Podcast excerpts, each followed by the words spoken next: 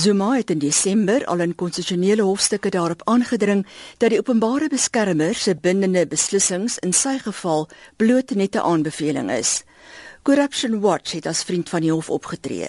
Sy regsverteenwoordiger, Carol Steinberg. That in this instance, the public protector never intended to make a finding that has legal effect, but rather recommended to the president along with other parties that he be the one to determine the remedy. That interpretation is simply not viable. Advokaat Jeremy Gauntlet wat al verskeie kere deur Zuma vir 'n posisie in die konstitusionele hof weggewys is, het gister die president se saak in die hof gestel. Hy sê Zuma moes noodgedwonge sy standpunt hersien na die Hoogste Hof van Appel se besluit in Oktober oor die magte van die openbare beskermer. The Minister of Police has in a sense shot his bolt by delivering a report which makes strong uh, you might call them preemptive findings. And so we would agree with the public protector that there's a problem that has to be addressed. Die DA en die EFF wil hê die hof moet Zuma en die parlement se hantering van die openbare beskermer se verslag as 'n skending van die grondwet verklaar die EFF se regsverteenwoordiger Wim Trengove. We have, have a president and a, a national assembly who treated the public protector with disrespect for almost 2 years in violation of the constitution. Then simply to say but I will pay back the money is not good enough. Jeremy Gauntlet het aangevoer dat dit nie noodsaaklik is vir die hof om die weg te volg nie. This is a delicate time in a dangerous year.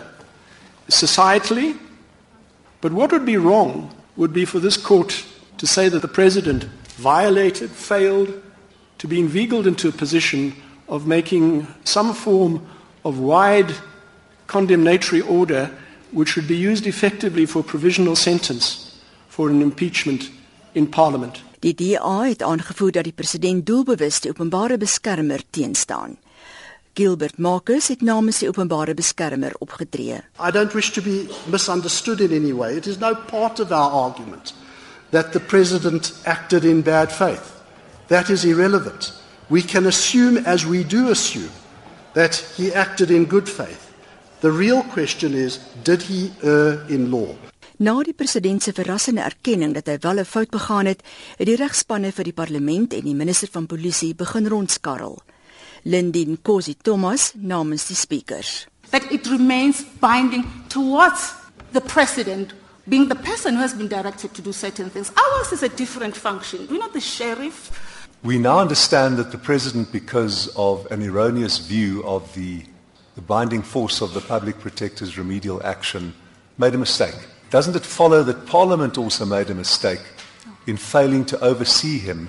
There is no gainsaying that Parliament acted on a wrong principle. Die minister van polisie, Nathan Hleko, sê hy het slegs 'n opdrag uitgevoer toe die verslag saamgestel het wat die president vrygestel het. Sy regsverteenwoordiger, William Okari, sê daar is geen kwessie oor die geldigheid van die openbare beskermer se magte nie. If you do not like it, you you can ignore it, you take it on judicial review. And we say that that is settled law.